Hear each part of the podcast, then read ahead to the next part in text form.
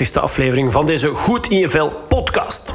Wat als jij ervoor kiest om te evolueren, te groeien, te floreren? Floreren, ja, floreren. Floreren betekent dat je hoger scoort op gebied van weten wat het leven voor jou de moeite waard maakt om voor te leven.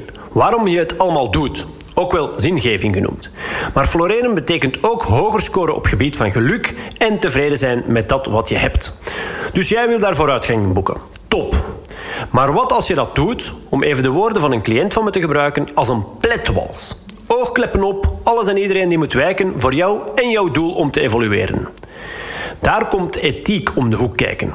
Wat voor consequenties heeft het voor anderen in jouw omgeving als jij beslist te willen veranderen? Daarom hanteer ik in mijn coaching een ethisch-psychoneurobiologische aanpak. Ethiek, psychologie, neurologie en biologie verenigd in een model. Tot voor kort kende ik niemand anders die het coachen van ondernemers hier in Vlaanderen ook op deze manier aanpakte. Tot mijn businesscoach me wees op een dame. Ze doet iets soortgelijks, zei ze. Al staat ze businesswijs wel al verder dan jij. Dus waardevol om te volgen deed ik dus. En ik contacteerde haar om een interview voor deze podcast te regelen. Moest ik wel eerst door de selectie van haar persoonlijke assistente en nadien ook nog een gesprek met haarzelf hebben om te zien of ik wel de juiste waarden representeerde. Bleek van wel, want ik heb haar mogen interviewen. We coachen dus beide ondernemers. Zij op zo noemt ze het zelf moreel leiderschap, ik eerder op ethisch leiderschap. Maar het komt dus heel fel overeen. Onze visie, de kijk op het leven en de manier om zelfstandigen duurzaam hun gedrag te laten veranderen. Niet alleen rekening houdend met wat ze zelf willen, waar ze voor staan en dergelijke, maar dus ook met hun naasten. Het zorgde direct voor een klik. Ik ben dus ook heel blij en vereerd haar te mogen voorstellen aan jou. Ik zou zeggen, of je nu gewoon even rustig neerligt, je aan het wandelen bent, in de auto zit of whatever, gun jezelf even een momentje en laat je inspireren door Ilse Jaak.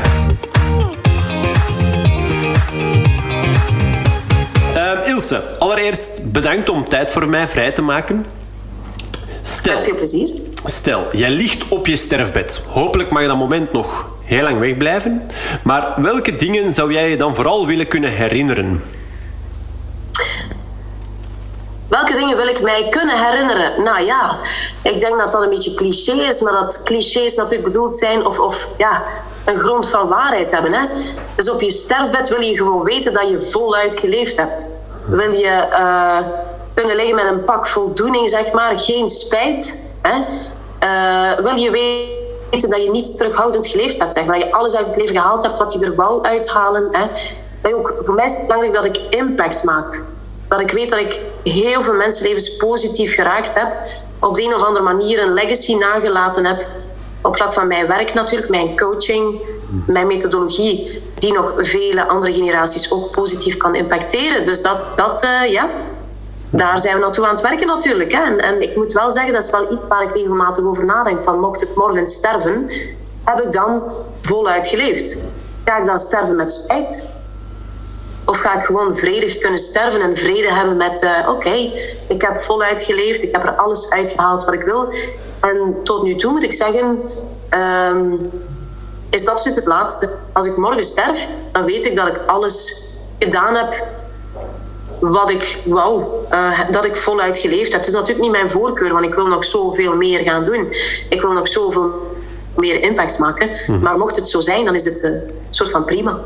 Oké, top. Zeggen, en naast, um, ja, want dit is inderdaad een stukje business. Hè, je legacy achterlaten, impact maken, um, voluit leven. Maar ik kan me voorstellen dat er ook nog andere dingen zijn die je je graag zou herinneren. Maar voor mij is voluit leven niet alleen business. Hè. Of impact maken heeft ook meer te maken met een, een purpose, een zielsmissie natuurlijk. Hè. Um, voluit leven is voor mij kwaliteit ervaren natuurlijk op alle domeinen hè, van je leven. Dus ook gewoon weten dat je uh, een kwalitatieve relatie hebt, zeg maar, hè, waarin je veel bijdraagt, uh, de beste versie van jezelf bent. Ook weten dat je voor je kinderen bijvoorbeeld de beste uh, versie als moeder bent van jezelf dan. Hè. Dus um, die legacy nalaten en zo, dat heeft voor mij ook daarmee te maken. Dus bij mij, ja hoe je persoonlijk bent, ben je ook uh, in je business en omgekeerd. Bij mij bestaat dat niet zo echt dat je bijvoorbeeld um, op vlak van het, het, het aansturen van je team terughoudend bent en dan eigenlijk op vlak van het opvoeden van je kinderen in één keer wel heel erg voluit zou gaan en, de beste versie van jezelf bent en geen interne werelddialogen of schuldgevoelens zou hebben. Of, nee, hoe je één iets doet, doe je alles. Dus um, ja, ja, is dat antwoord op je vraag? Ja, ja zeker, zeker. Helemaal akkoord. Maar het is inderdaad eh, dat, dat waar ik een beetje op aanstuurde. Je relatie, relaties, maar, maar dan um, niet per se liefdesrelatie, maar, maar de, de connectie met anderen, bijvoorbeeld je kinderen, kan ik me voorstellen dat, um, dat als, je, als dat moment komt en je hebt het geluk dat je, dat je uh, afscheid kan nemen en dat je bewust nog op je sterfbed kan nadenken over datgene waar je dankbaar voor bent. Um, dat dat toch ook wel dingen zijn die, uh, die meespelen, die belangrijk zijn geweest. Dat was gewoon een beetje waar ik uh, inderdaad uh, ja, naar peilde. Um, Uiteraard, ik denk voor iedereen, hè? ja, ja, jawel, jawel, jawel. jawel. Um, ja. Ik ga daar zo beetje nog wel wat, wat verder op ingaan, hè, op, op jouw legacy en, en hoe dat je impact maakt en, en noem maar op. Um, maar voor degenen die jou niet kennen, wie is Ilse Jacques?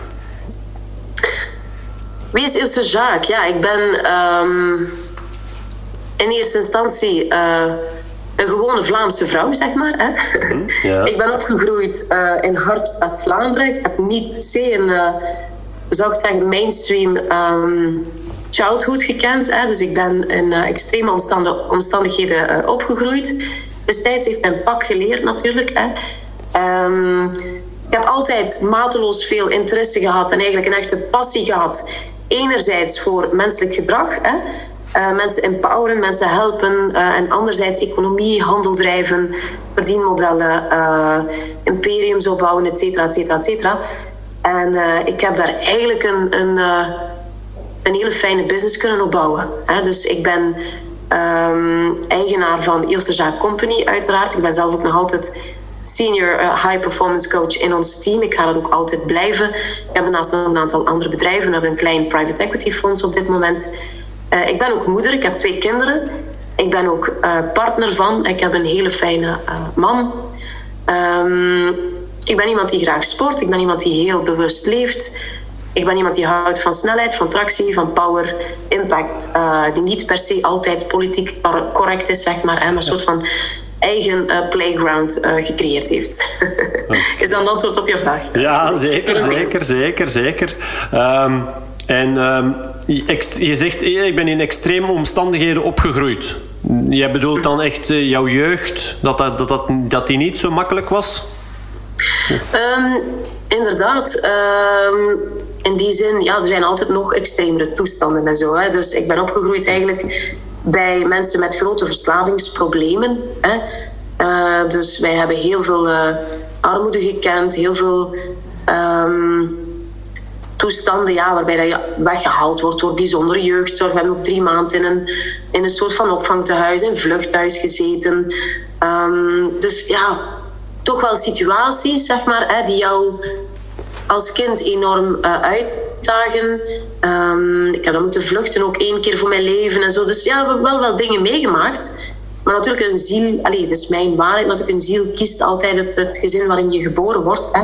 Dus dat heeft uh, natuurlijk zijn uh.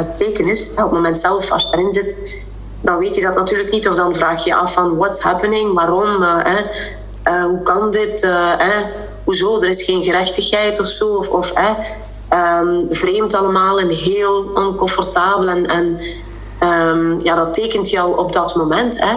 Natuurlijk, wat je later mee doet, dat is je eigen keuze. Hè. Dus nu weet ik wel dat alles wat ik toen meegemaakt heb, dat dat gewoon moest gebeuren. Omdat dat mij nu in mijn job natuurlijk veel sterker maakt. En, en dat ik mij in heel veel situaties kan inleven.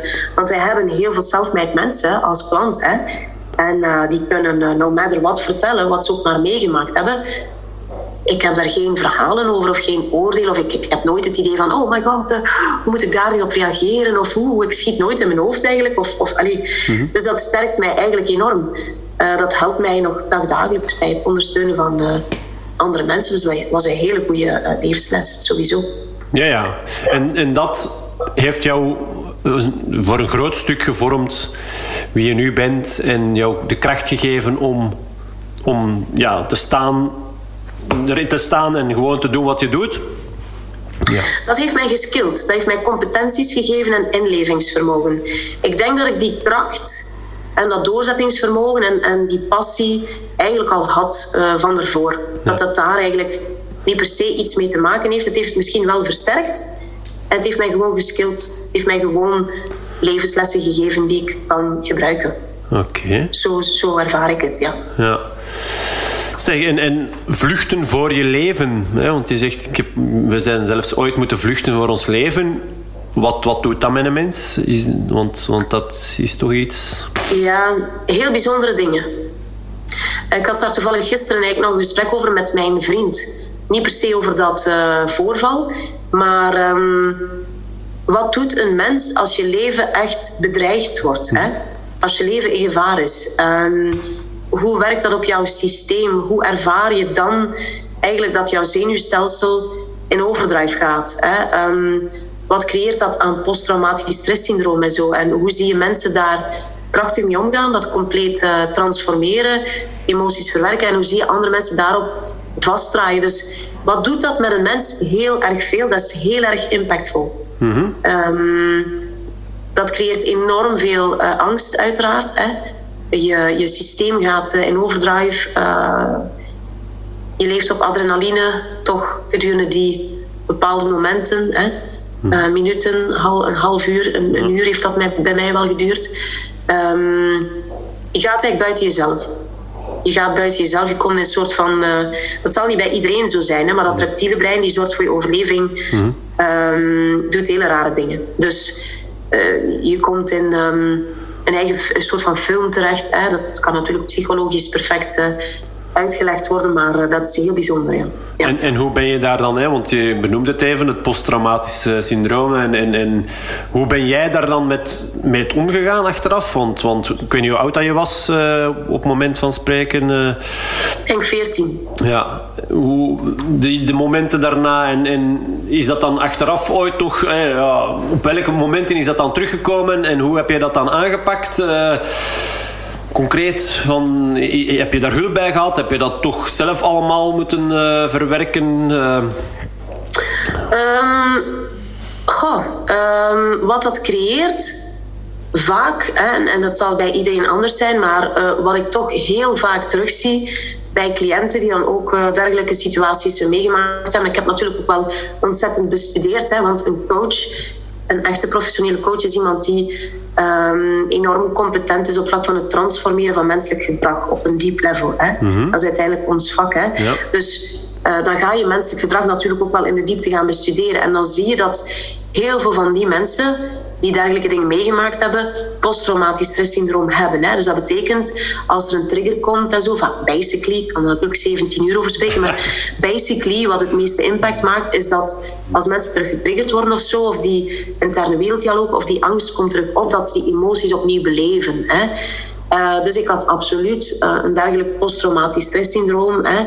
Uh, ook op vlak van uh, schaarste, hè, want wij waren opgegroeid in extreme armoede, dus vaak hadden wij geen eten of, of geen hygiëne of moesten wij buiten um, op de straat zeg maar, de nacht doorbrengen of wat dan ook. Want mhm. ja, ons moeder die was dan niet thuis of die trok zich daar niks van aan of die was aan het uitgaan of whatever. Hè.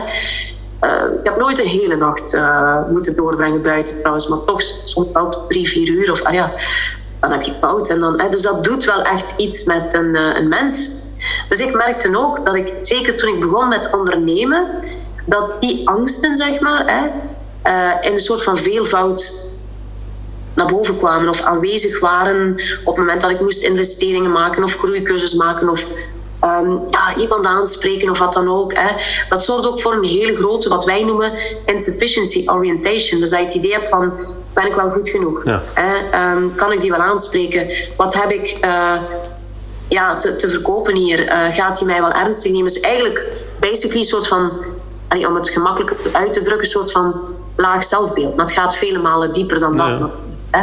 Dus hoe heb ik mij daar doorheen gewerkt? Heel eerlijk, door mijn leven vooruit te bewegen. Hè? Dus ik heb heel veel um, gesproken destijds.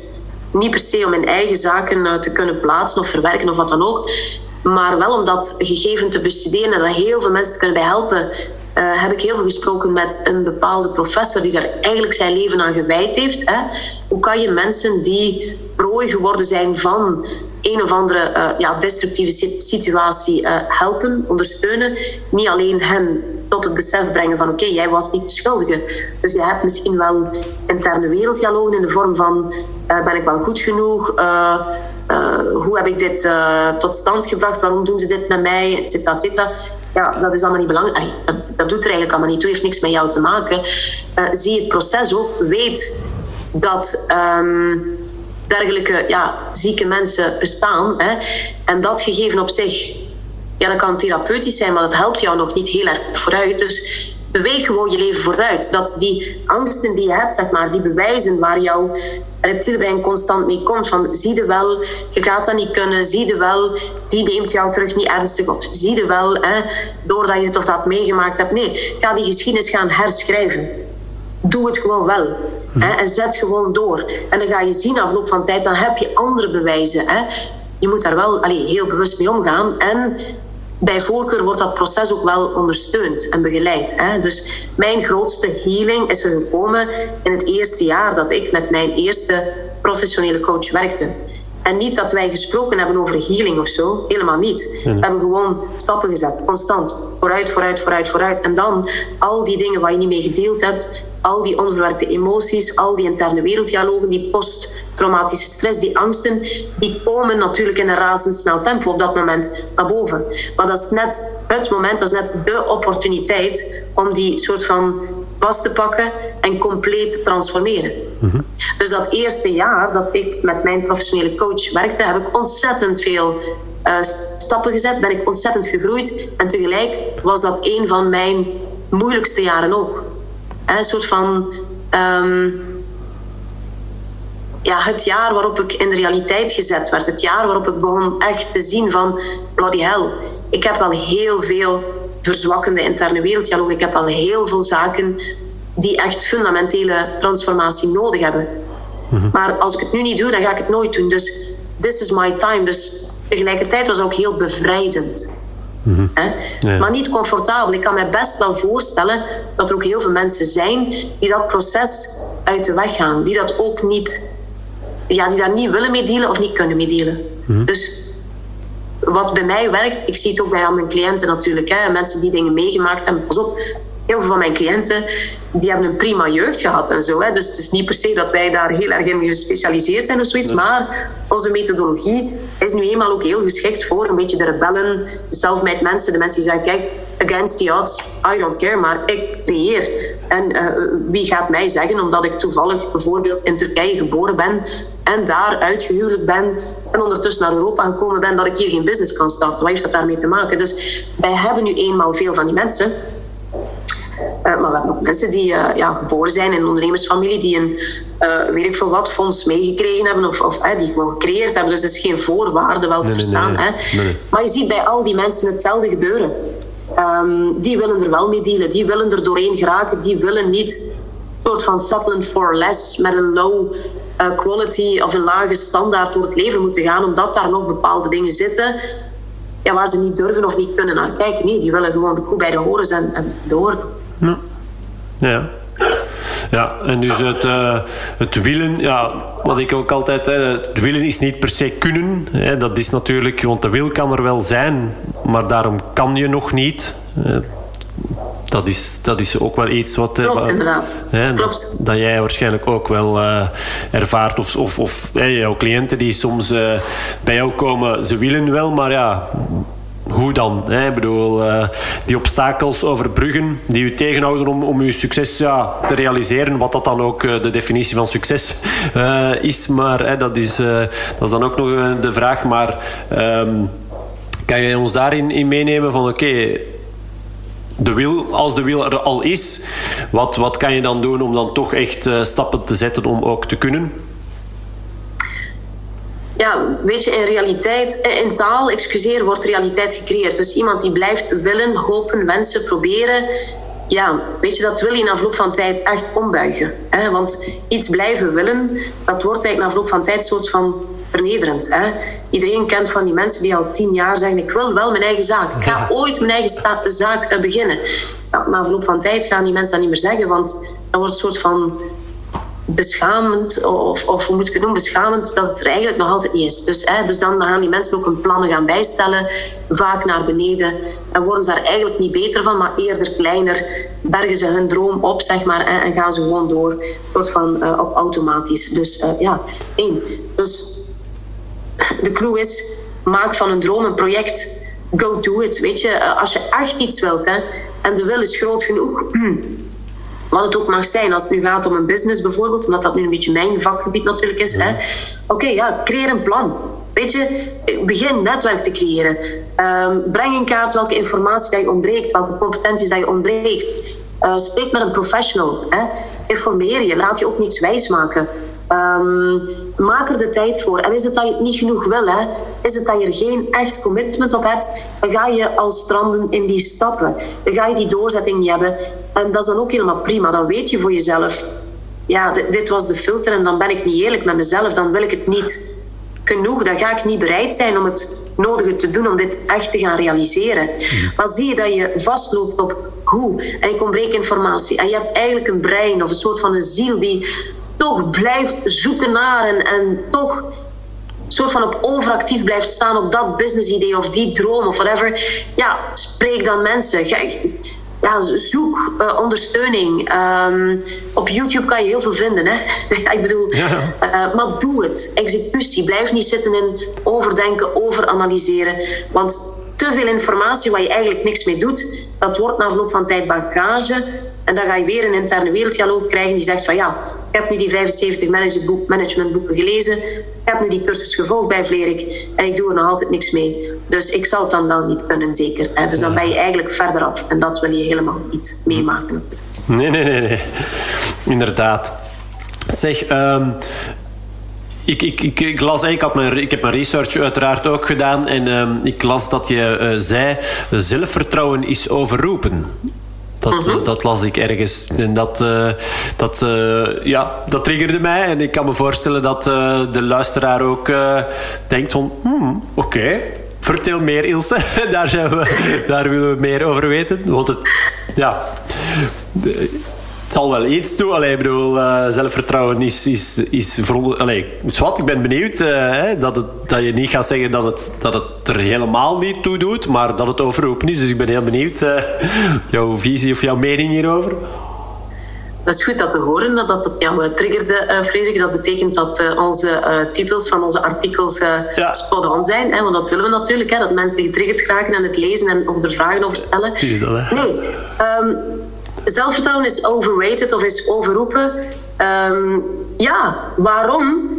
Uh, omdat je vaak mensen ziet stranden op, uh, ja, ik, ik, durf niet starten, ik kan niet starten. Dus het is eigenlijk een prima aanvulling op de dingen die we nu al ja. uh, doorgenomen hebben. In die zin, ja, wacht niet op voldoende zelfvertrouwen om te starten. Want dat is een soort van catch-22, of dat is een soort van paradox. In die zin, als je alles voorwaardelijk maakt, stel je hebt de wens inderdaad om uh, te ondernemen, of je hebt de wens zelfs om een imperium uit te bouwen. Hè? Uh, of je hebt al een bepaald bedrijf en je hebt de wens om te internationaliseren, of een soort van unlimited te gaan scalen, of, of I don't know, te gaan innoveren. Ja, als je iets nieuws in de markt gaat zetten, of je gaat een nieuwe markt aanboren, of je gaat überhaupt met een bedrijf beginnen, dan ga jij niet zo heel veel zelfvertrouwen hebben op vlak van die markt, of die niche, of die competenties. Maar als je het voorwaardelijk maakt en je gaat wachten op die dag, of op dat moment, dat je voldoende zelfvertrouwen hebt om dat te doen, dan gaat dat nooit komen. Dus in die zin zeg ik altijd, zelfvertrouwen is overroepen. Zelfvertrouwen gaat wel komen hoor. Beetje hetzelfde met een goed gevoel. Mensen zeggen, ja, intuïtief weet ik dat, dat ik dit of dat moet doen. Het voelt niet heel goed, het voelt oncomfortabel. Ja, dat is heel logisch. Dus als je gaat wachten op dat goede gevoel, ja, dan, moet je, dan ga je nooit beginnen. Nee. Zie je? Dus hoe werkt het natuurlijk? Ja, in eerste instantie word je heel bewust van ja, waar je dan terughoudendheid op hebt. Ga ook gewoon kijken van... Um, ik heb bijvoorbeeld een angst. Ik maar iets. Ik wil een nieuwe niche aanboren, bijvoorbeeld. Hè. En ik weet dat ik moet doen. Ik weet dat er heel veel potentieel voor ons ligt. Ik weet dat ik ook heel blij ga worden, bijvoorbeeld, hè, van die niche-markt. dan ben ik weer aan het groeien. Dan zie ik mijn bedrijf groeien, dan, dan, dan weet ik dat we meer richting sustainable business of zo aan het werken zijn, whatever it may be. Ja. Maar ik heb toch wel schrik, ik ben toch wel terughoudend, want ja, ik ken nog niet zoveel van die markt. Hè. Veel mensen zeggen mij ook, ja, uh, dat is een, een, een bijzonder iets, dat is innovatie, gaat dat wel werken? Dus ook mijn bankier, die houdt mij een beetje tegen, want ja, ik moet toch wel 300.000 euro investeren, et cetera, et cetera. Oké, dan gaan we kijken, is dit een angst of is het een bedreiging? Hè? En hoe gaan we dit gaan onderbouwen? Kan er een marktonderzoek plaatsvinden? Moeten we een soort van designsprint doen? Ik doe dat zelf niet wel te verstaan, hè, maar goed, mensen doen dat dan voor hun bedrijf. Ga je gaan valideren met de markt? Kan je een prototype maken? Hè? Uh, kan je eens een, een, ontwerpbureau of zo spreken? Kijken wat de mogelijke uh, valkuilen zijn. Enfin, ik ben maar aan het fantaseren, maar zo ga je natuurlijk ja, een bepaald idee gaan onderbouwen. En kan je zien van, ja, maar eigenlijk heb ik een pak angst, maar er zijn eigenlijk geen bedreigingen. Want onze investering bijvoorbeeld is minimaal en we kunnen ten alle tijde correcties maken. We moeten gewoon wakker blijven, we moeten gewoon blijven meten. Zoveel mogelijk dingen meetbaar maken en snel corrigeren. Dus agile zijn, zeg maar. Hè? Um, en nee, ik heb geen zelfvertrouwen of nee, ik heb nog geen goed gevoel, want het is nog altijd glad ijs. Logisch. En met dat oncomfortabel gevoel gaan we het gewoon wel doen. En ondertussen ga je die markt leren kennen. Ondertussen ga je misschien zelf sales gaan doen in die tak om die voeling met die markt te krijgen. Ondertussen ga je meer en meer mensen spreken. Ga je die informatie die ontbreekt binnenhalen. En na verloop van tijd heb je tractie gecreëerd op dat bedrijf. En dan komt dat goede gevoel of dat zelfvertrouwen weer vanzelf. Dus ja, ga natuurlijk bewust werken aan dat zelfvertrouwen. Maar laat het jou niet tegenhouden. Dus in die zin vind ik zeker in onze huidige maatschappij, zelfvertrouwen overrated, ja. No. Sowieso. Is dat een antwoord op je vraag? Ja, zeker, zeker.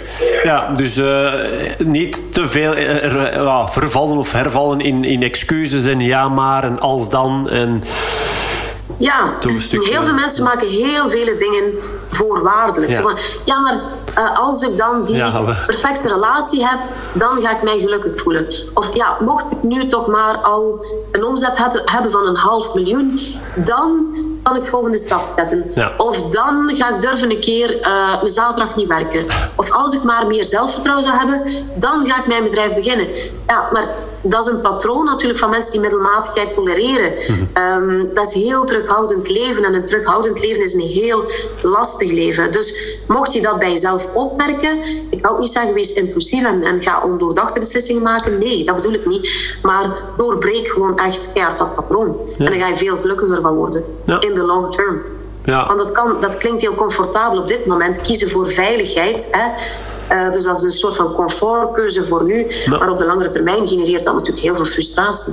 Ja, ja zeker. Ja, ja ik, ik heb het al wel eens... Uh, de leugen die je jezelf vertelt... Uh, stop met jezelf te beliegen, hè, inderdaad. Ja, als dan, dan ga ik het doen. Als de kinderen uit huis zijn. Als de verbouwing achter de rug is. Als je kind... Ja, dan uiteindelijk kom je er nooit. En uh, ja, dat maakt je dan ook weer niet gelukkig. Want je hebt bepaalde doelen en zo. Dus dat is inderdaad... ja. Oké. Ehm, ik, ik las ook, hè, je zegt van, je spreekt wel eens uh, over het gedrag van de top 1%. Hè, de, de, mensen die, die heel uh, succesvol zijn en, um, en ja, heel kapitaalkrachtig zijn, hè, dat, dat dat gedrag iedereen kan vooruit helpen. Kan je, kan je daar ons een beetje in meenemen? Zonder, hè, je moet niet al, uh, alle geheimen gaan verklappen, maar wat, wat is dat gedrag van die top 1%? Uh, kan je daar een tipje van de sluier oplichten? Zeker weten. In eerste instantie wil ik het even duiden dat ik het heb over de 1% die echt ook moreel leiderschap natuurlijk demonstreren. Hè? Ja. Uh, dus die mensen die, uh, ja, een beetje de movers en de shakers, zeg maar de visionairs van deze wereld, hè? Mm-hmm. de innovators, zij die, aan het aan, die het aan het doen zijn.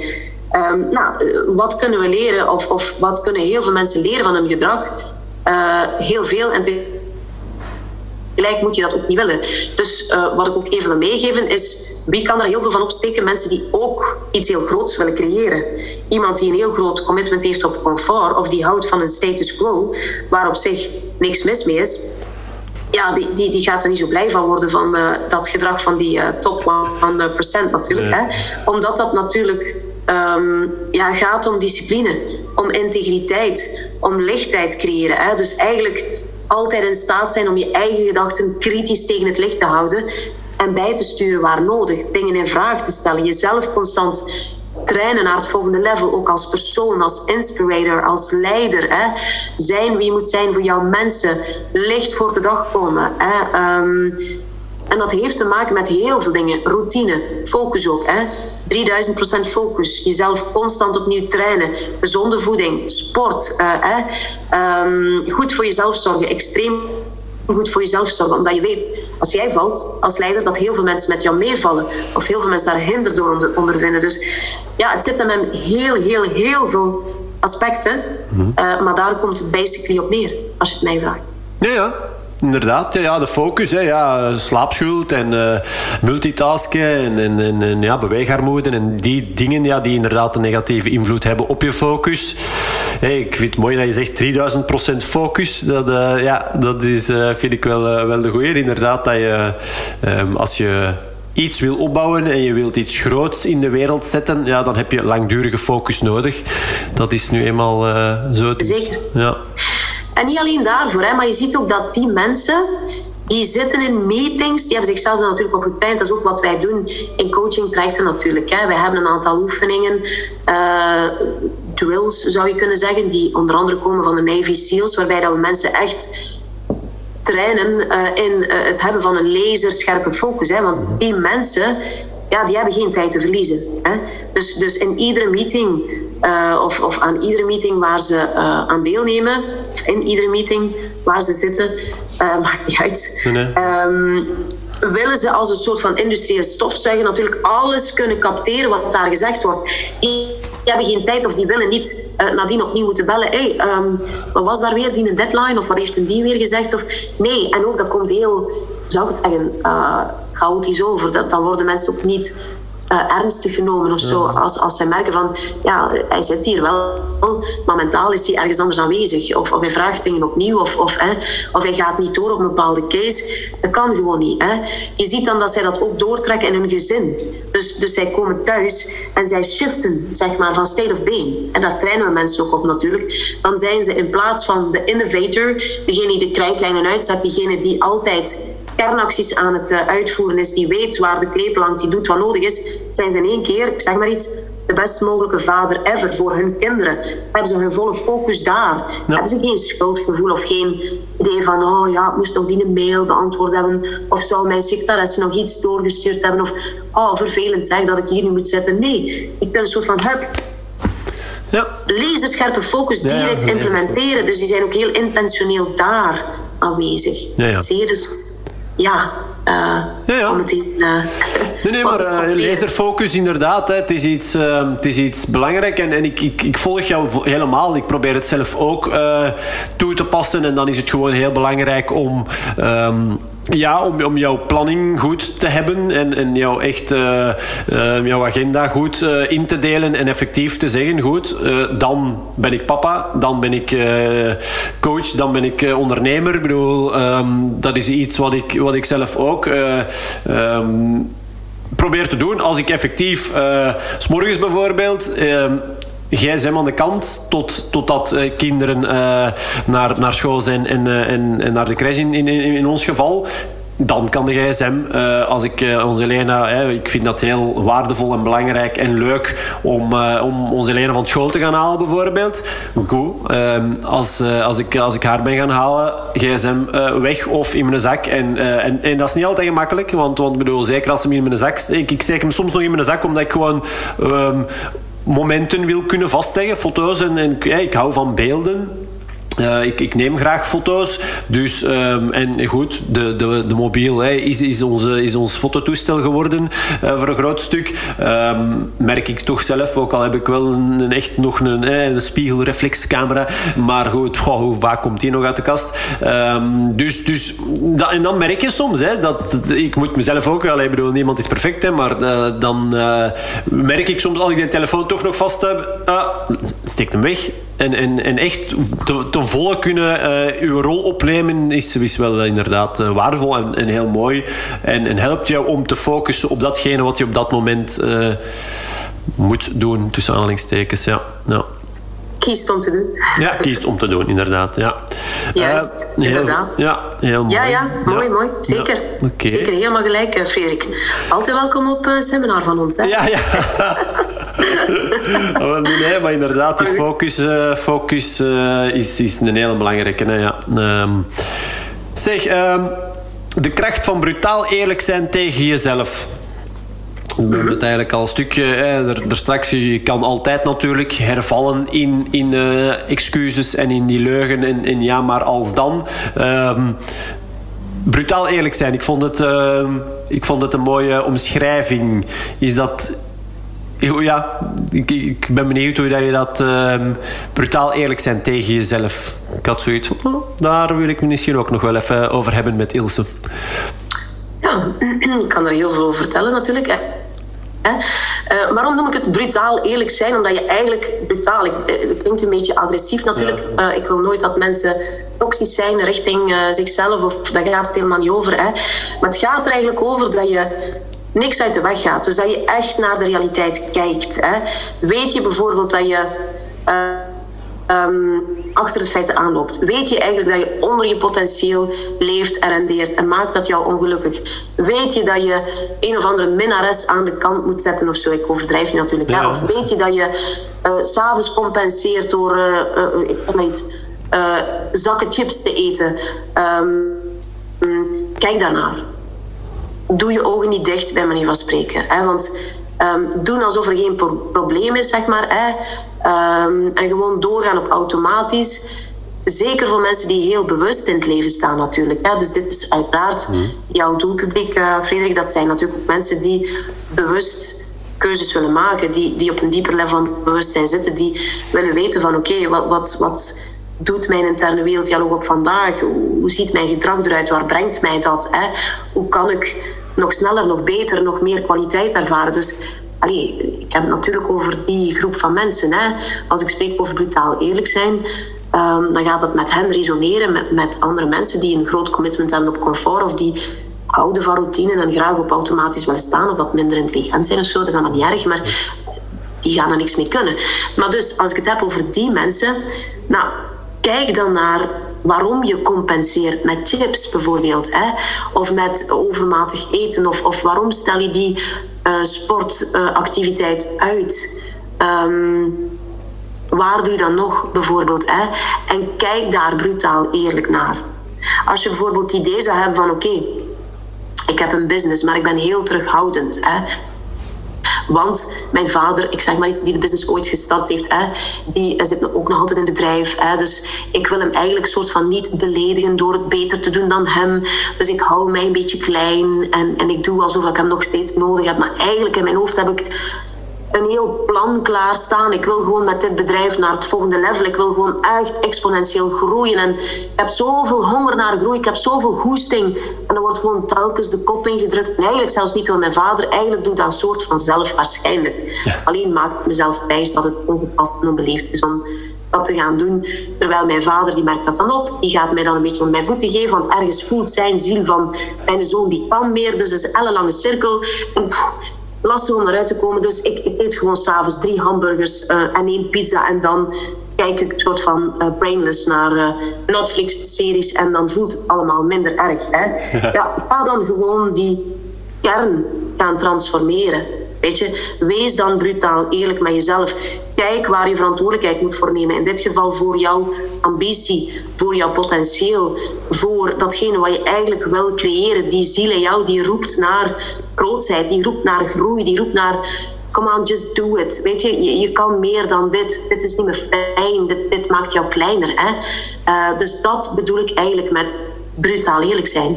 En om echt de ultieme vrijheid en echt ultiem geluk, kwaliteit te ervaren op een diep level, voor die groep zelfbewuste mensen, is dat ook the only way to go. Ik bedoel, echt vervulling ervaren, echt je leven ownen. Gewoon weten van, bloody hell, ik heb een, een tof leven. Ik heb bijvoorbeeld een sportwagen. Ik own die bloody sportwagen, weet je. Ik heb, ik heb ervoor gewerkt en, en vind het fijn. Ik hou van die snelle wagens. Ik, ik, bijvoorbeeld, hè. Hetzelfde geld hou je van een hele mooie fiets. Of, of dat is allemaal prima. Hè. Dus, dus, hè. Maar own it. Weet je? En dat kan alleen door brutaal eerlijk te zijn. Mhm. Sowieso. Ja, ja. En met dingen, allee, te stoppen met dingen middelmatig te doen. Ja. ja. ja. Maar ook iemand die bijvoorbeeld, ik zeg maar iets, een netto winst uh, na belastingsaftrek per jaar heeft van, van een 2 tot 4 miljoen, ik zeg maar iets, hè, die kan nog altijd een heel middelmatig leven hebben. Die kan dat bijvoorbeeld gecreëerd hebben op basis van, ik zeg maar iets, bewijsdrang ten opzichte van um, zijn moeder. Die altijd zei, jij jij in je leven je gaat niet te veel presteren. Hè, want op school doet het ook al niet te goed. Ik zeg maar iets. Hè. Ja. Um, dat hij eigenlijk een potentieel heeft om gemakkelijk uh, het dubbele te doen. Ik zeg maar iets. Hè, maar toch nog altijd vanuit angst weinig mentale vrijheid ervaart. En dus nog altijd denkt in tekorten in plaats van... Nee, nee, ik zie alleen maar opportuniteiten en let's do it. Dus die eigenlijk blijft spelen om niet te verliezen in plaats van te spelen om te winnen. Dus dat is nog altijd een heel middelmatig leven.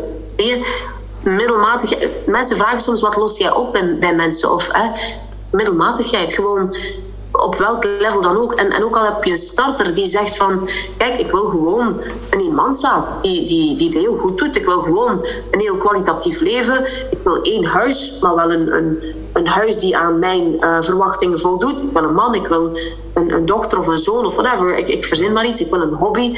En dat is voor mij ultiem leven. Nou... Uh, dat kan voor haar ook boven. Het kan, kan ook perfect zijn hè, dat zij daarmee uit haar eigen middelmatigheid gekomen is. is hè. Dus, dus het hoeft niet altijd cijfers. Nee, nee. cijfers hebben daar niks mee te maken of zo. Hè. Dus, nee, dus, dat je doel 100, dat, 100k eh, is of, ja. uh, of, of 5 of 2 miljoen euro, uh, dat maakt op zich gewoon boven je eigen middelmatigheid uit, ja. uitstijgen en je verantwoordelijkheid nemen. En, uh, ja. Ik vind bijvoorbeeld van mijzelf dat ik op vlak van. Uh, ik, ik leid nog altijd een heel middelmatig leven. Als je ziet naar, naar de technologie, hoe die uitgewerkt hebben, het potentieel dat we hebben om nog veel meer mensen wereldwijd te gaan helpen, mhm. ja, dan, dan zitten wij echt in de middelmatigheid nog op dit moment. Dit is echt nog niet ons ultieme. Het is heel tof, het is heel fijn. Ik, ik ervaar een pak vervulling. I love it. En nogmaals, als ik morgen sterf, dan heb ik er alles uitgehaald wat erin zit, tot op vandaag. Um, dus ik heb nergens spijt van.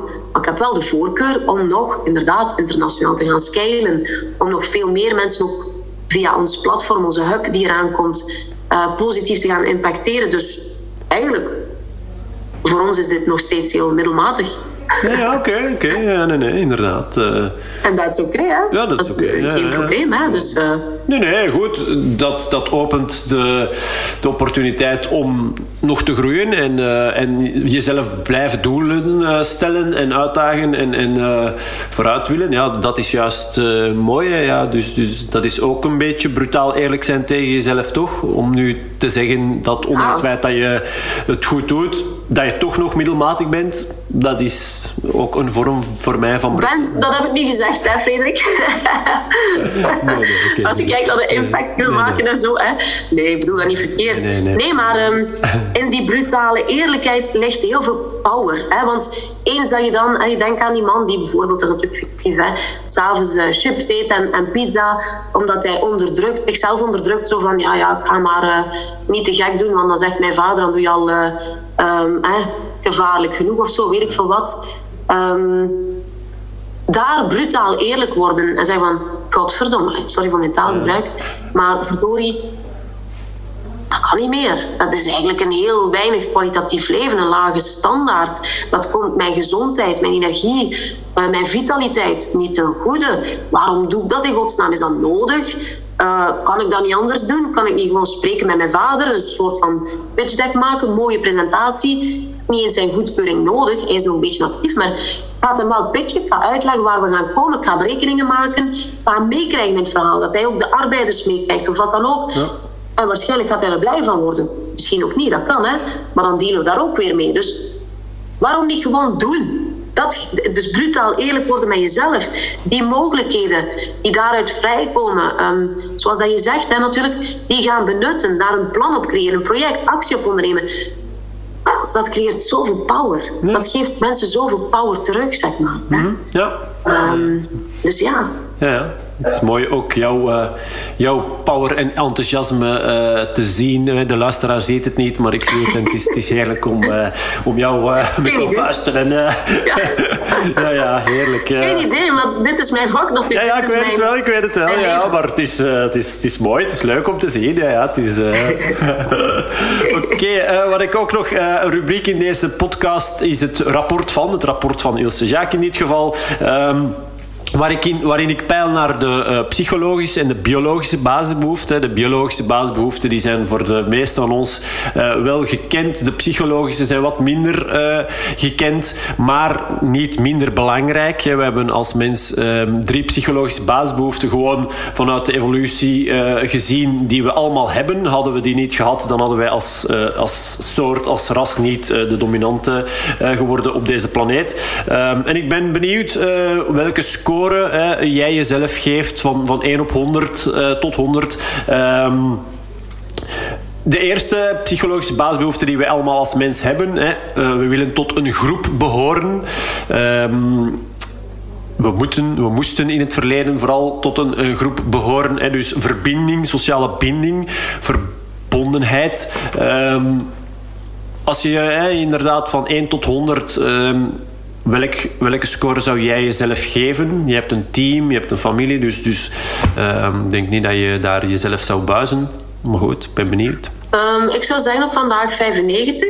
Mm -hmm. um, maar houdt het nog meer, maar houdt het nog beter. Hè? Uh, maar het is wel een thema uh, die voor mij vele jaren gespeeld heeft. In die zin, ik voelde mij wel een beetje een alien natuurlijk. Hè? Thuis, uh, dan ook kort na mijn 18e levensjaar, dat je een beetje op zoek bent naar, hè, dat je anders voelt dan andere mensen, dat je voelt van een soort van wat wij noemen oude ziel. Hè. Ik, ik wil grootheid, ik wil hè, alleen mijn omgeving demonstreert dat niet, demonstreert iets helemaal anders. Dus ben ik dan anders dan anderen. Dus dan ga je op zoek naar gelijkgestemden, dan ga je op zoek naar mensen die jouw taal spreken. En in mijn geval is dat ook niet de massa. Hè? Dat is ook niet erg, maar natuurlijk na verloop van tijd krijg je daar inzicht in? Of, of leer je jezelf ook beter kennen, creëer je voor jezelf een soort van identiteit? Uh, ervaar je waar jouw uh, passie ligt, waar je energie van krijgt, wat jouw energie kost, hè? Uh, met wie je graag spert, met wie eigenlijk niet. Hè?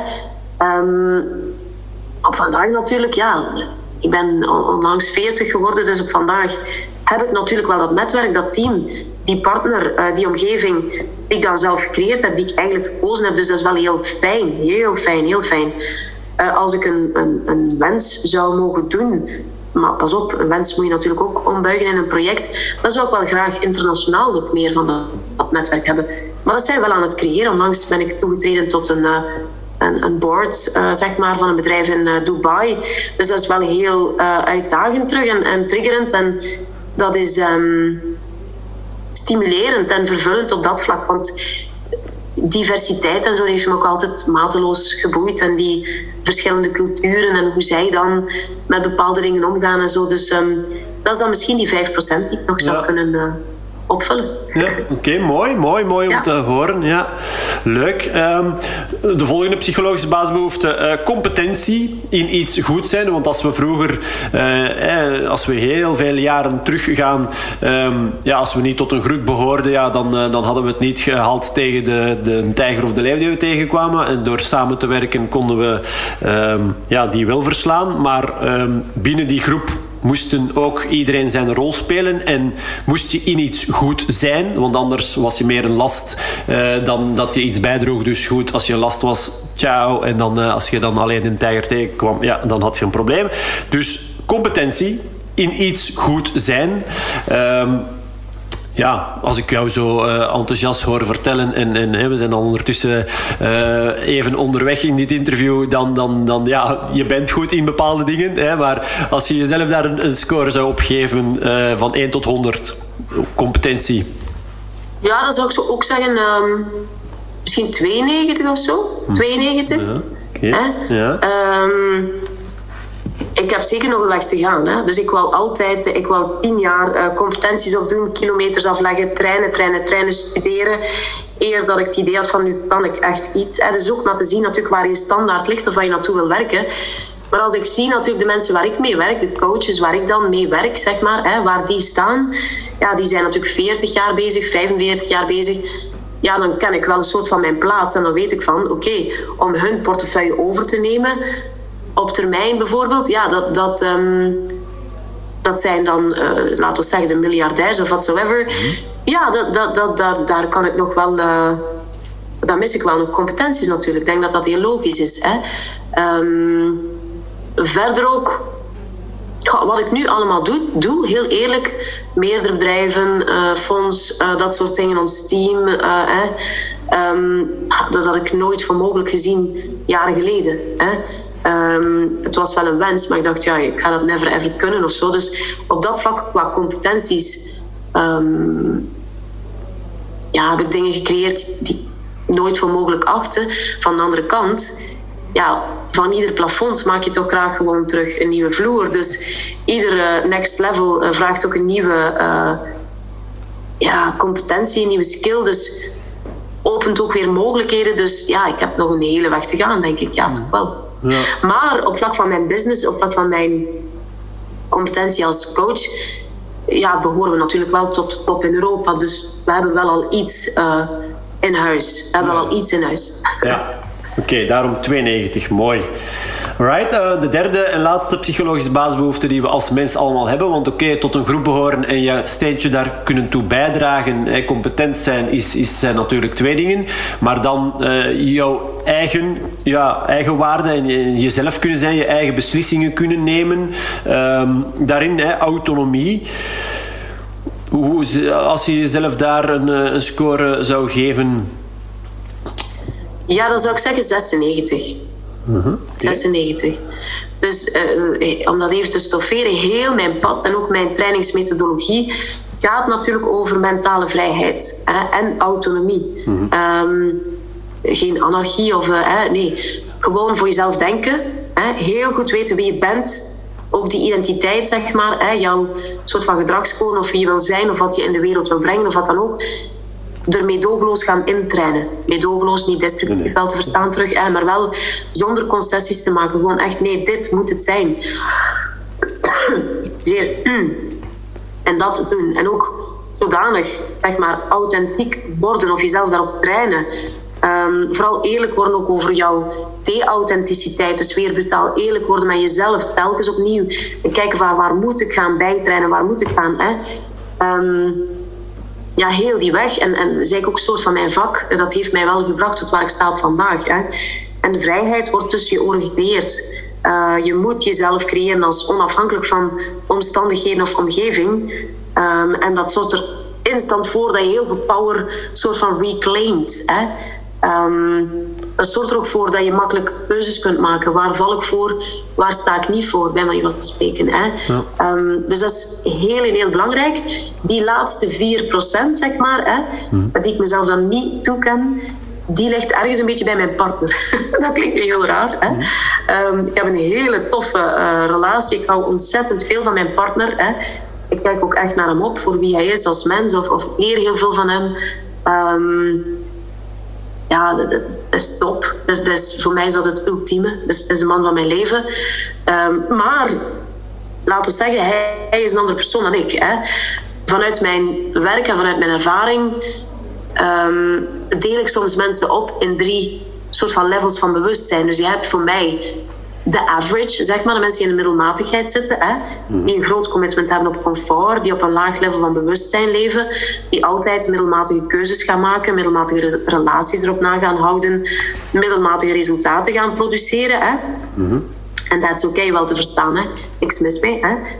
Um, maar goed, dat zijn wellicht niet de mensen die deze podcast gaan beluisteren dan. Hè. Dat is helemaal oké. Okay, Dan heb je wat, wat ik noem de highly committed. Dus de mensen die echt ja, uiterst um, soort van committed zijn, hè, toegewijd zijn, die echt gaan voor een kwalitatieve levensstijl, die echt doelen willen afchecken. Mhm. hè. En een kwalitatieve levensstijl is voor die mensen een soort van doel op zich. Hè. En dan heb je de driven. De driven, dat zijn de mensen, de innovators. De mensen die van ieder plafond een nieuwe vloer willen maken. De mensen die constant honger hebben naar groei. Pardon, ben een beetje verkouden. Ja, dat is niet erg. Nee, nee, gezondheid. Uh, misschien even een water, een slokje water. Ik zal ineens meedoen. Mensen die constant honger hebben naar groei. Mensen die um, een bepaalde visie hebben. Uh, uh, die ook kwaliteit willen op ieder domein van hun leven. Die ook voluit willen leven. Maar waarvoor dat bijvoorbeeld een kwalitatieve levensstijl niet per se een doel op zich is. Maar een gevolg van. En bij ons, mijn vriend is uh, highly committed en ik ben driven. Ja.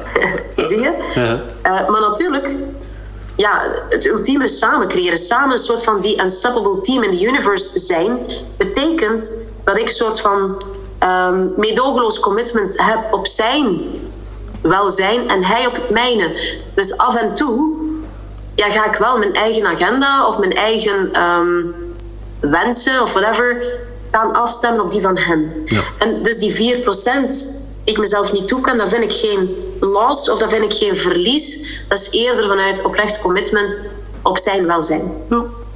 Mooi. Ja? Ja, heel mooi. Ik, uh, ik ervaar helemaal hetzelfde met, uh, met, mijn, uh, met mijn vrouw. En kan me heel, ik vind het heel mooi hoe je het om, omschrijft. En ja, ik, ik, her, ik herken me alvast er heel erg in.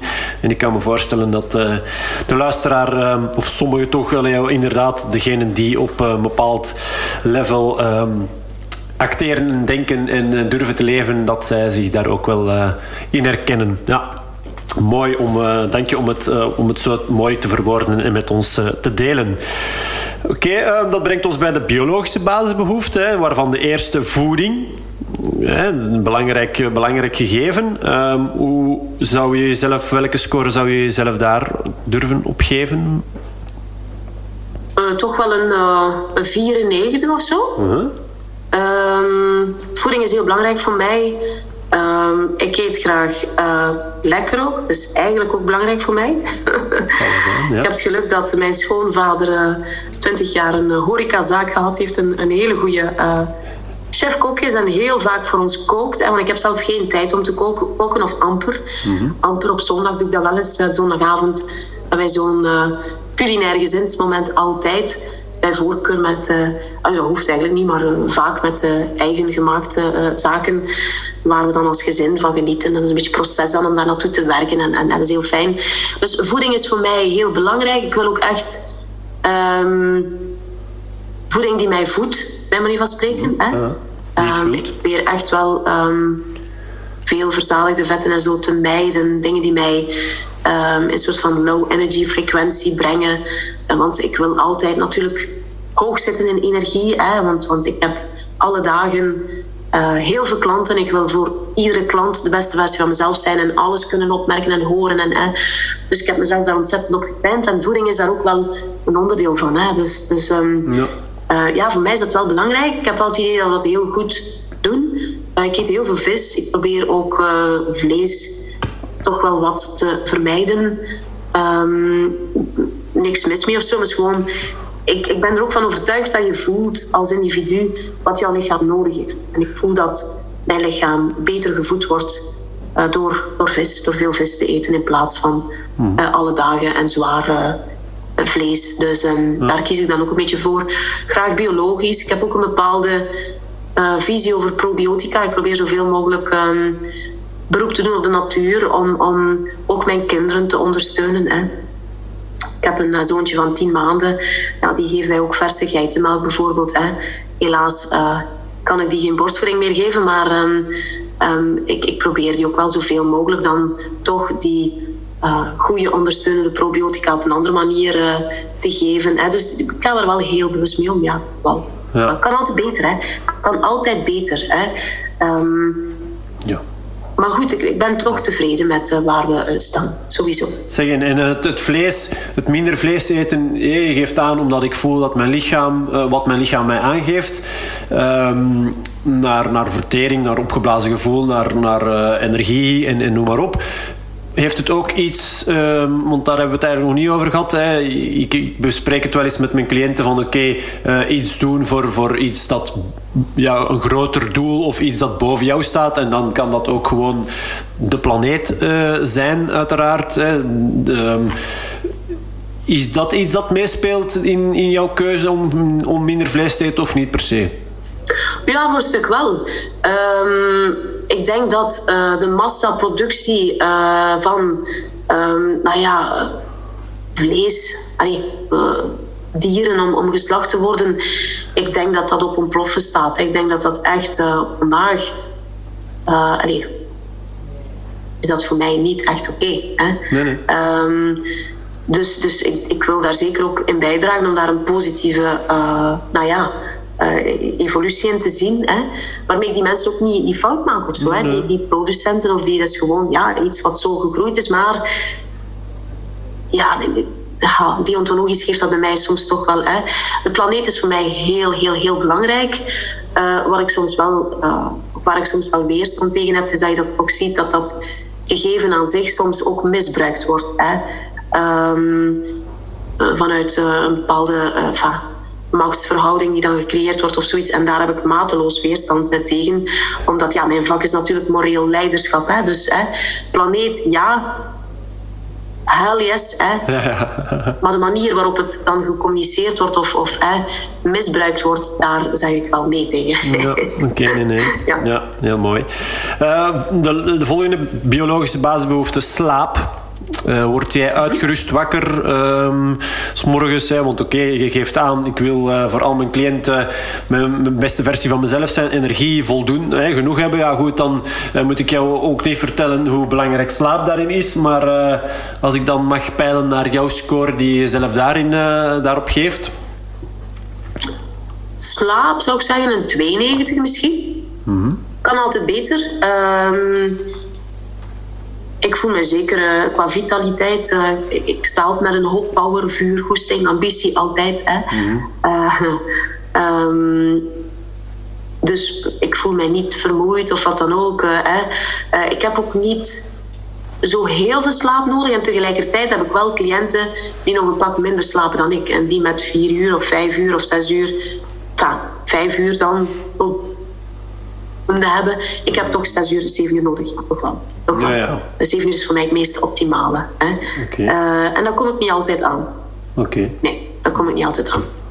Dus dan voel ik wel van oké okay, dat ik uh, um, ja, de zondag graag eens uh, tot acht uur slaap of wat dan ook. Hè. Dus, dus, en dat is ook helemaal oké. Okay, dus, ja, ja, um. Ja. ja, kan altijd beter. Ik ben iemand, ja, ik heb altijd veel energie, dus, dus ik kan ook s'avonds niet. Als ik een, een, een seminar of zo gegeven heb, gisteravond heb ik ook gesproken voor een groep ondernemers, uh, dan kan ik niet thuiskomen en, en um, direct gaan slapen of direct, uh, nee, ik, ik hoor dan weer dingen uh, die mij input geven en ik denk, ja, die heeft dat nodig. Dus mijn brein is gewoon op een hele leuke manier altijd ook aan het creëren. Ik kan er ook gewoon uitschakelen als ik dat zou willen. Ik ben daar ja. natuurlijk ondertussen op getraind.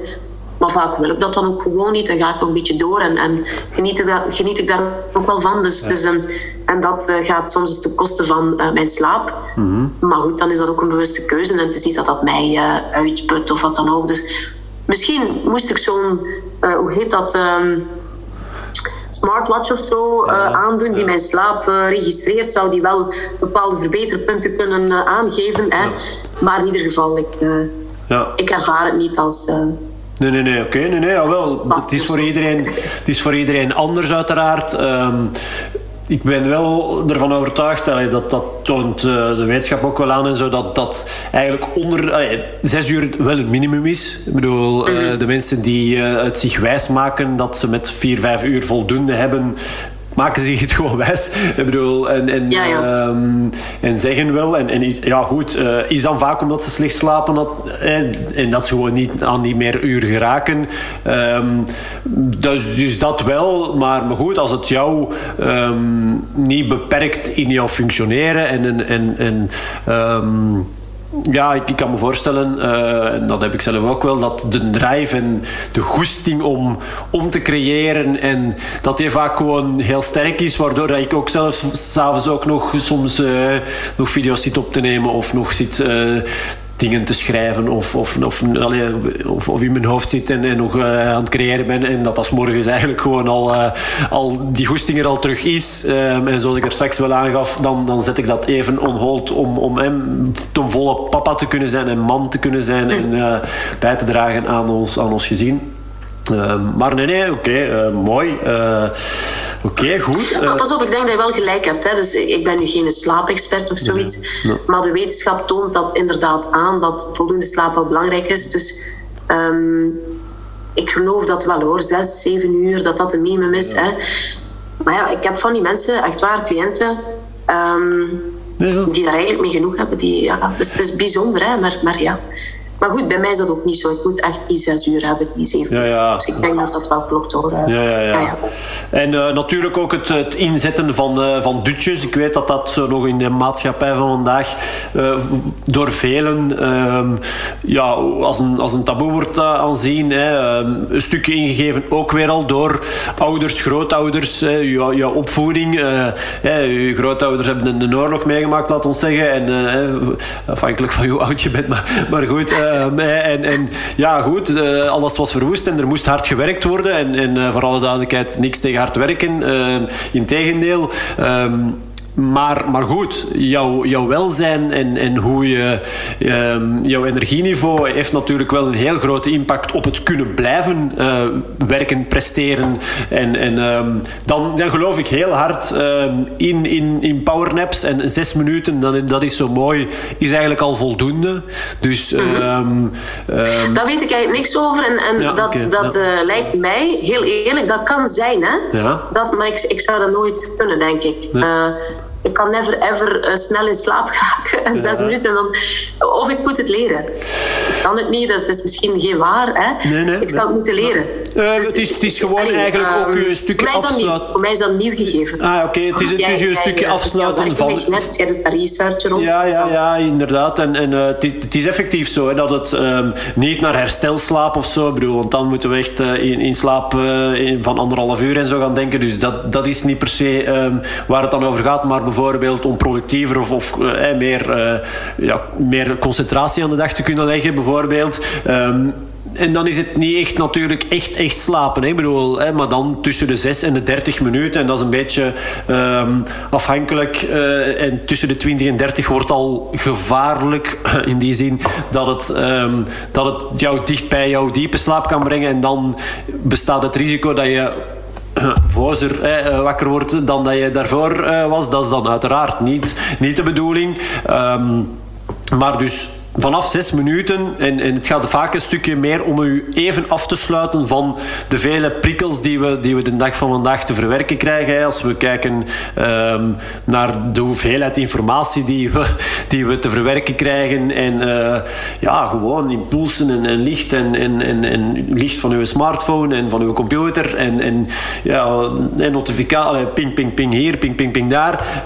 Um, dus even gewoon ja, uh, gsm uh, in vliegtuigmodus en zes, en een timer op zes minuten. En uh, even gewoon die ogen sluiten en gewoon donker stilte. Um, ja, dat is gewoon wel, wel heel waardevol. En ik zeg dan vaak tegen mijn cliënten van kijk, um, als je nu onderweg bent van een afspraak ergens uh, naar kantoor of naar, uh, naar huis. Um, en, en ja, je gaat zes minuten later daar aankomen. Geen haan die daar gaat naar kraaien waarschijnlijk. Dus misschien is het een idee. Uh, zeker als je merkt dat dat, dat slaaptekort dat dat daar misschien toch wel is. Of dat je focus te weinig uh, aanwezig is. Dat, dat, uh, dan is het misschien wel een idee om u even aan de kant te zetten. In een timer 6 minuten. En gewoon even, en dat gaat niet over echt in slaap vallen. Ah, oké, okay, oké. Okay. Maar wel gewoon echt even... Uh, ja, die, die, die prikkels wegnemen, laat ons zeggen. Weet je wel? En, en eigenlijk uw, uw brein een stukje rust uh, gunnen. Uh, en dat is wel dat is waardevol. Dus misschien inderdaad nog... Uh, het zou mooi zijn als ik jou ook nog iets zou kunnen leren of kunnen Nee, nee, ik denk wel dat dat... bij mij is dat wel een state of being gewoon. In die zin, um, wat jij nu beschrijft... Het effect daarvan dan kan ik gewoon, uh, als ik beslis van oké, okay, nu mijn gsm weg, alle afleiding uitschakelen. Ik bouw ook wel voor mezelf zelfreflectiemomenten in. Ja.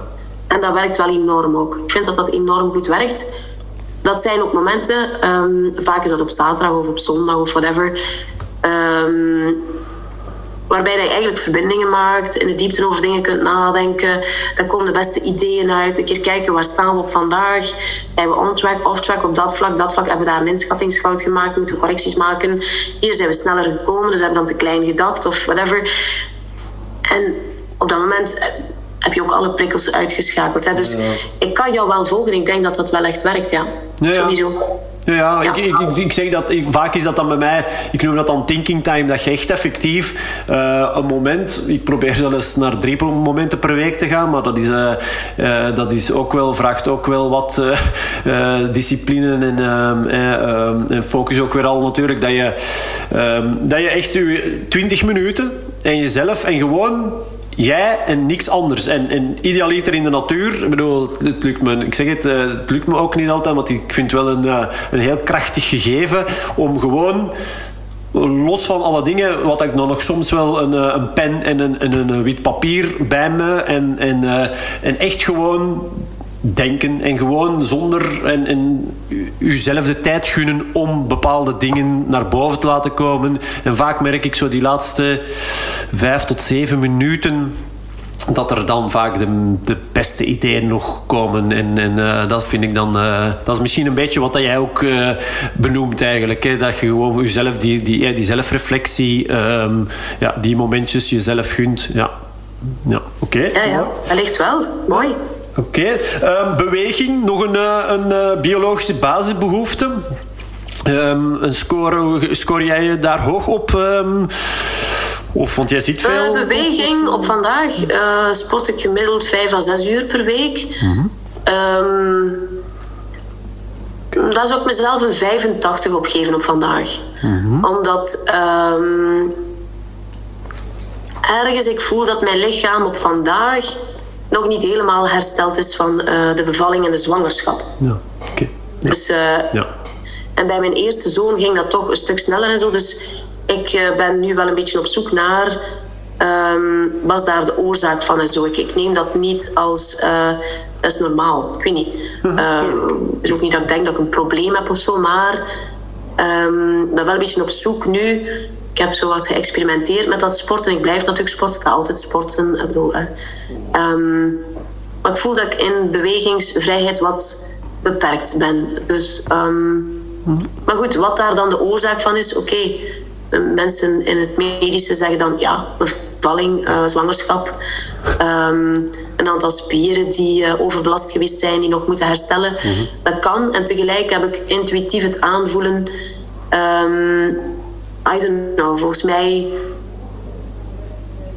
moet ik niet gewoon afwachten, kan ik bepaalde dingen sneller herstellen of zo. Maar dat is dan nog een beetje in thuis. Ja.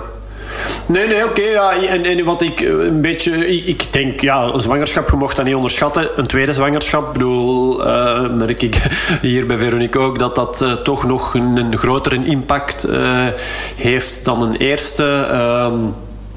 Dus, dus ja, goed. Uh, maar maar uh, ik denk dat er bij jou ook... Je, je ziet denk ik toch best wel veel als je coaching... Is dat vaak niet... Of, of durf jij dat ook rechtstaan te ja, ja. Of, ik, ik ben veel aan het rondlopen ja, ook. Uh, ja, toch wel, ja.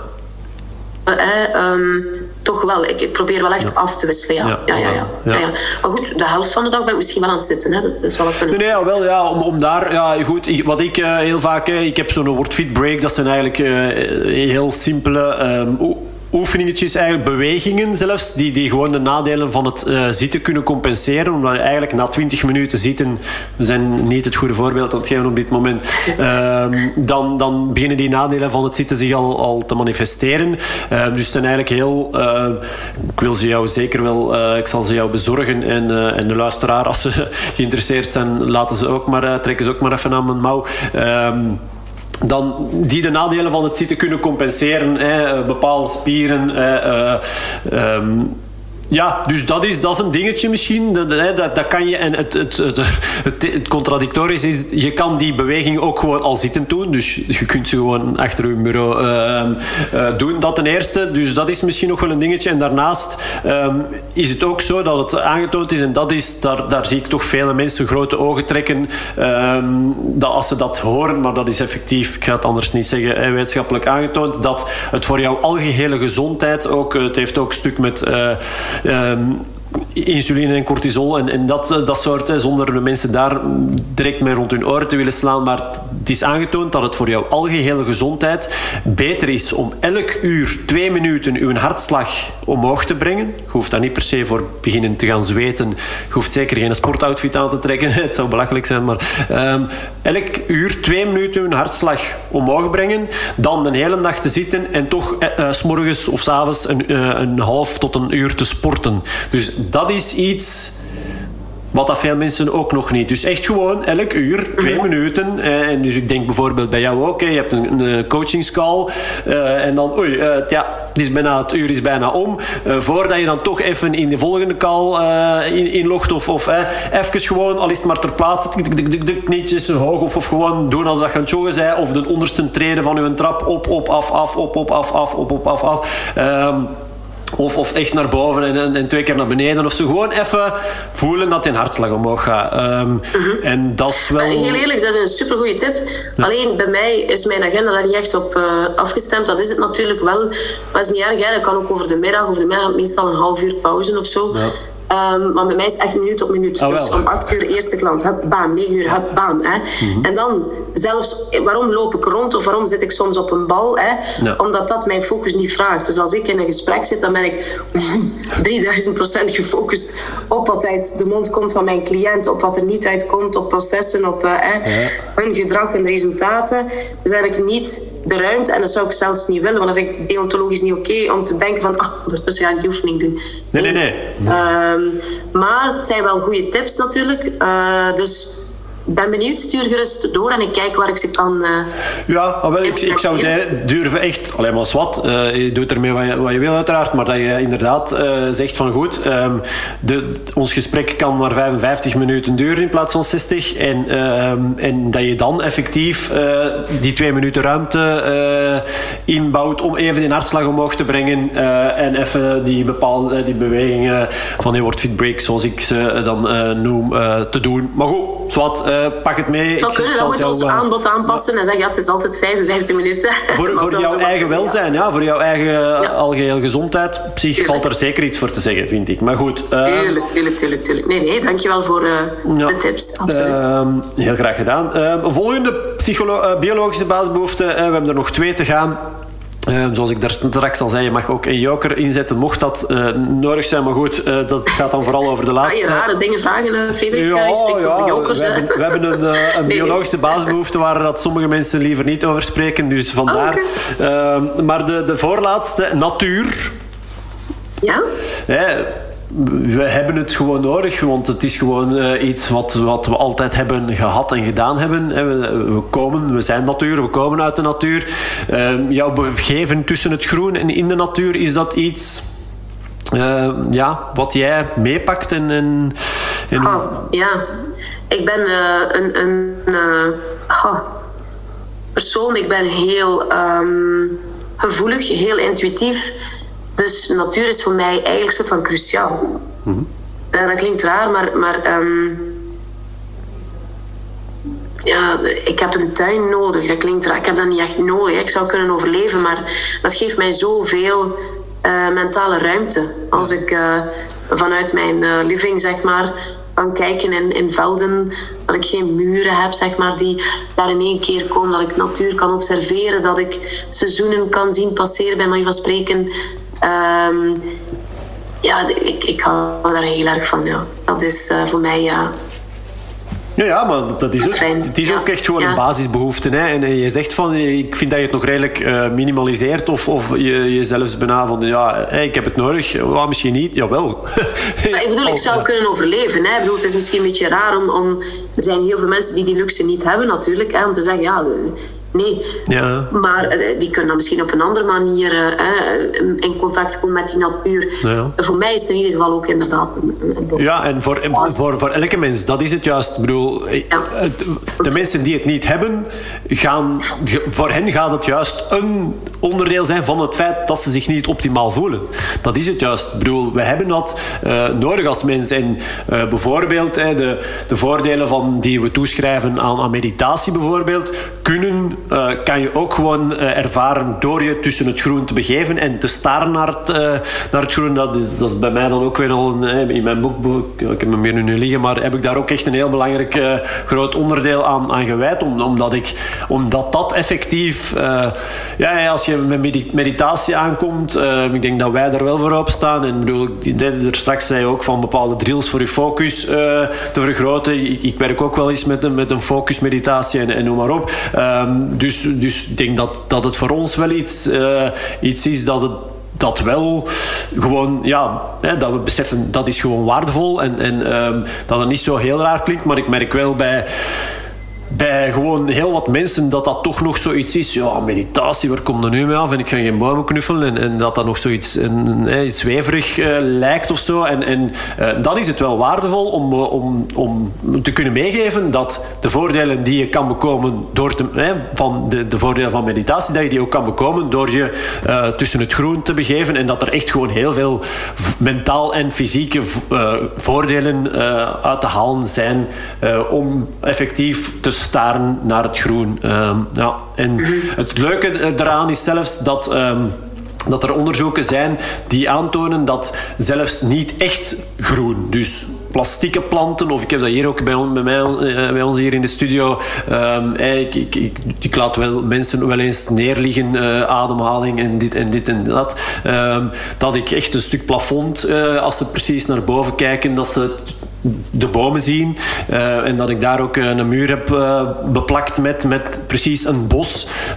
En effectief, en dan planten in de, in de omgeving en in uw werkruimte, dat dat ook gewoon ja, echt goed doet. Um, dus dus ja. ja. Oké, okay, goed. En dan de laatste biologische basisbehoefte: hè. voortplanting. Um, mm-hmm. Maar anders gesteld, ja, seks, want anders wordt voortplanten moeilijk. Um, als je, ja, toch? um, als je jezelf daar een cijfer uh, van 1 tot 100 op zou geven. Ja, ik zou zeggen 100 of 99. Dat klinkt misschien raar, maar. Uh, nee, nee. want ik vind de kracht van seks en seks aan zich heel belangrijk. Mm Dat is gewoon heel, heel, heel belangrijk. Voor mij is dat iets, iets goddelijk, bij manier van spreken. Mm in die zin, als je echt um, een desdanige emotionele, uh, intellectuele, uh, diepgaande connectie hebt met je partner, zeg maar. Hè, en, en je kan dat, uh, of je gaat dat op die manier een soort van gaan versterken. Ja, die energie die dan vrijkomt die creëert zoveel. Die creëert ook uh, kinderen natuurlijk. Ja, hè? Maar dat niet alleen. Dat niet alleen. Dus uh, ja. Het is een beetje raar. Ik weet niet of dat mijn partner dat gaat waarderen dat ik die dingen vertel. Maar ik moet zeggen, bij mijn huidige partner, uh, van het eerste moment dat ik die man ooit gezien heb, had ik een soort van. Um, aantrekkingskracht die eigenlijk tot op vandaag nog steeds alles overwint. Hè. Mm heeft natuurlijk ook te maken met energie. Hè. Energie die cumuleren. Um, ja, voor mij is dat vandaag, uh, op vandaag 100. Uh, die aantrekkingskracht die blijft. Ik denk dat die heel belangrijk is. Dat dat iets zegt over zijn mensen echt zielsverwanten? Zijn ze soulmates? Zit daar een grond voor een kwalitatieve relatie in? Of niet? Hè? Uh, blijft dat duren inderdaad? Uh, of, of, of verdwijnt dat uh, als het nieuwe ervan af is, bij manier van spreken? Ja. Hè? Dat is ook helemaal niet erg. Hè? Dat is dan misschien een partner waar je veel moet van leren, maar nog niet jouw ultieme partner. Hè? Dus ja, ik ben daar heel tevreden over dat... Um, ik verlang daar steeds opnieuw naar, ook met mijn huidige partner. En ja, ja dat, dat, dat, kun je elkaar ook voor wakker maken. Dat is, en dat is helemaal oké. Okay. Dat, is, um, dat is gewoon omdat die aantrekkingskracht er is en dat dat hele uh, connecterende, fijne, um, zelfs hielende, goddelijke momenten zijn. Ja, Oké, okay, uh, top. Ja. Dank je voor uh, jouw eerlijke oprechtheid. Het was mm -hmm. oké, okay, mooi. Um, ja, we zijn ondertussen al een uur en twintig minuten onderweg, dus dat is, dat is, dat is al een heel, een heel pak. Um, voor de luisteraar die er nog altijd bij is, um, geweldig uh, leuk en bedankt daarvoor alvast. Um, is er nog iets wat ik jou niet gevraagd heb, wat ik jou wel had moeten vragen? Iets dat jij nog wil delen met, met de mensheid, met de luisteraar? Um, niet onmiddellijk. Natuurlijk, jouw vraag nu nodigt mij natuurlijk wel uit om nog, toch nog iets mee te geven waarvan ik denk dat het uh, impact kan maken op mensenlevens. En dat, dan, dan neem ik ook die kans natuurlijk, uh, Frederik, daarvoor. Hè. Ik zou zeggen, wat mensen moeten weten is dat je ten allen tijden, maar echt ten allen tijden, de keuze kunt maken om jouw leven, al is zakelijk, persoonlijk, whatever, compleet te gaan transformeren, compleet te gaan omdraaien. Hè? Um, jezelf onafhankelijk te maken van omstandigheden, van omgeving, van meningen. Dus als je geïnspireerd zou raken door deze podcast, zeg maar, of het werk van Frederik of whatsoever, ja, just do it. Gewoon.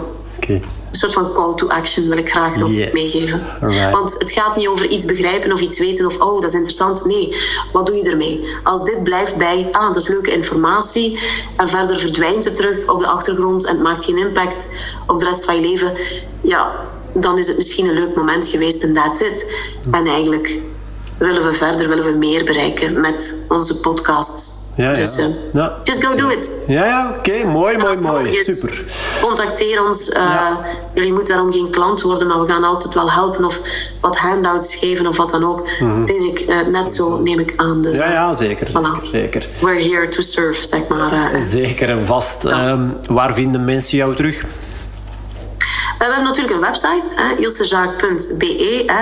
Ook uh, op LinkedIn kunnen ze rechtstreeks met mij connecteren. Weet wel dat mijn team die pagina onderhoudt. Um, via onze website kunnen mensen een apply-formulier invullen. Um, en als wij zien dat er echt een reden is om in gesprek te komen, dan gaan zij sowieso, nu, ze sowieso gebeld door iemand van ons team, sowieso. En als wij zien uh, dat er echt common ground zit, dan komen mensen sowieso wel een keer in mijn agenda. Ja. Dan ga ik zeker, uh, al moeten ze een maand wachten, want nu zitten we met een wachttijd van een, van een maand, een maand en een half wel. Hè. Ook bij urgente cases. Uh, kijken we of dat eerder kan natuurlijk, maar um, dan komen ze sowieso in mijn agenda en dan allee, um, kom ik sowieso vanuit commitment op hun grootsheid en ga ik echt luisteren en kijken um, wat we in dat ene gesprek alvast kunnen uh, behandelen of doornemen of, of ja, uh, hoe kan helpen. Ja, punt. Okay. Dus um, right. wees niet terughoudend. Nee, nee. Just go do so. Ja, Oké, okay, top. Alright, dan uh, rest mij alleen nog jou heel hartelijk te bedanken. Het was, het was heel leuk. Het was, het was interessant. Mooi. Ja. Jij ook, dankjewel Frederik, voor jouw uitnodiging. Hè. Ik heb jou hierdoor ook mogen leren kennen, dus ik denk dat je ook heel veel mooi werk doet voor mensen. Mm-hmm. En dat we dat vooral met z'n allen moeten blijven doen. Dus ja, voilà, gaan, bij deze. Gaan we doen, hè. Oké, okay, super. Bedankt. Ziezo, dat was weer al de 39e aflevering van deze Goed in je Vel podcast. Ben benieuwd wat er bij jou het hardst is binnengekomen. Wat blijft er hangen? Laat maar even van je horen. Vind ik altijd leuk. Dat maakt het toch net iets persoonlijker. Maakt het minder eenrichtingsverkeer. Mail me even naar freeantwoordfit.be. Stuur me een berichtje via LinkedIn. Frederik Heilen met twee accenten op de E en een C achteraan. Of vind me op Instagram fitondernemen of Free Heilen. Ik kijk jouw reactie met plezier tegemoet. Wil je op de gebracht worden als er een nieuwe aflevering van deze Goed in je Vel podcast verschijnt, waar ik van uitga? Abonneer je dan even op dit podcastkanaal. Je kan trouwens ook de beelden van deze interviews bekijken op mijn YouTube-kanaal. Check zeker even WordFit TV. Ook zeker de moeite om daar eens een kijkje te nemen. Voor nu alvast bedankt om te luisteren. Vergeet niet consistent kleine stapjes te zetten om zo voor jezelf je mooiste leven te creëren. Neem je verantwoordelijkheid en maak zeker voldoende tijd voor die dingen die je op je sterfbed gaat herinneren. Tot de volgende. Bye.